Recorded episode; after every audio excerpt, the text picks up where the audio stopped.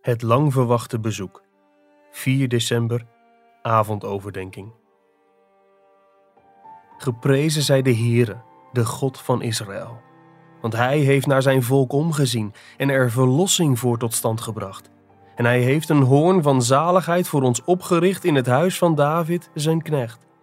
Zoals hij gesproken had bij monden van zijn heilige profeten, die er door de eeuwen heen geweest zijn, namelijk verlossing van onze vijanden en bevrijding uit de hand van allen die ons haten.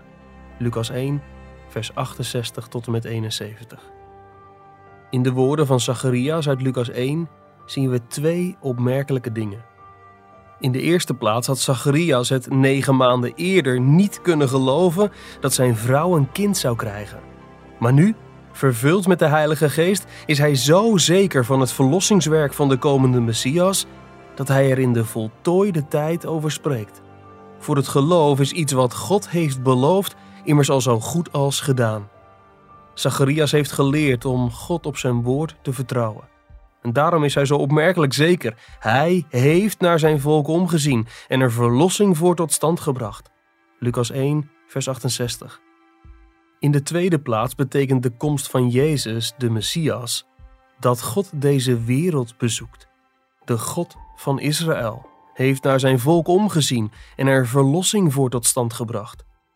Eeuwenlang kwijnde het Joodse volk weg in de overtuiging dat God zich had teruggetrokken. De geest van de profetie was opgehouden en Israël was in de handen van Rome gevallen.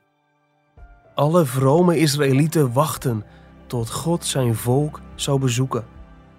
Lucas vertelt ons in hoofdstuk 2, vers 25 dat de godvruchtige Simeon de vertroosting van Israël verwachtte. Enkele versen verder spreekt hij over de biddende Anna en allen die de verlossing in Jeruzalem verwachten. In die dagen leefden ze in grote verwachting. Nu ging het lang verwachte bezoek van God plaatsvinden. Ja, hij stond op het punt om te komen, maar wel op een manier die niemand had verwacht.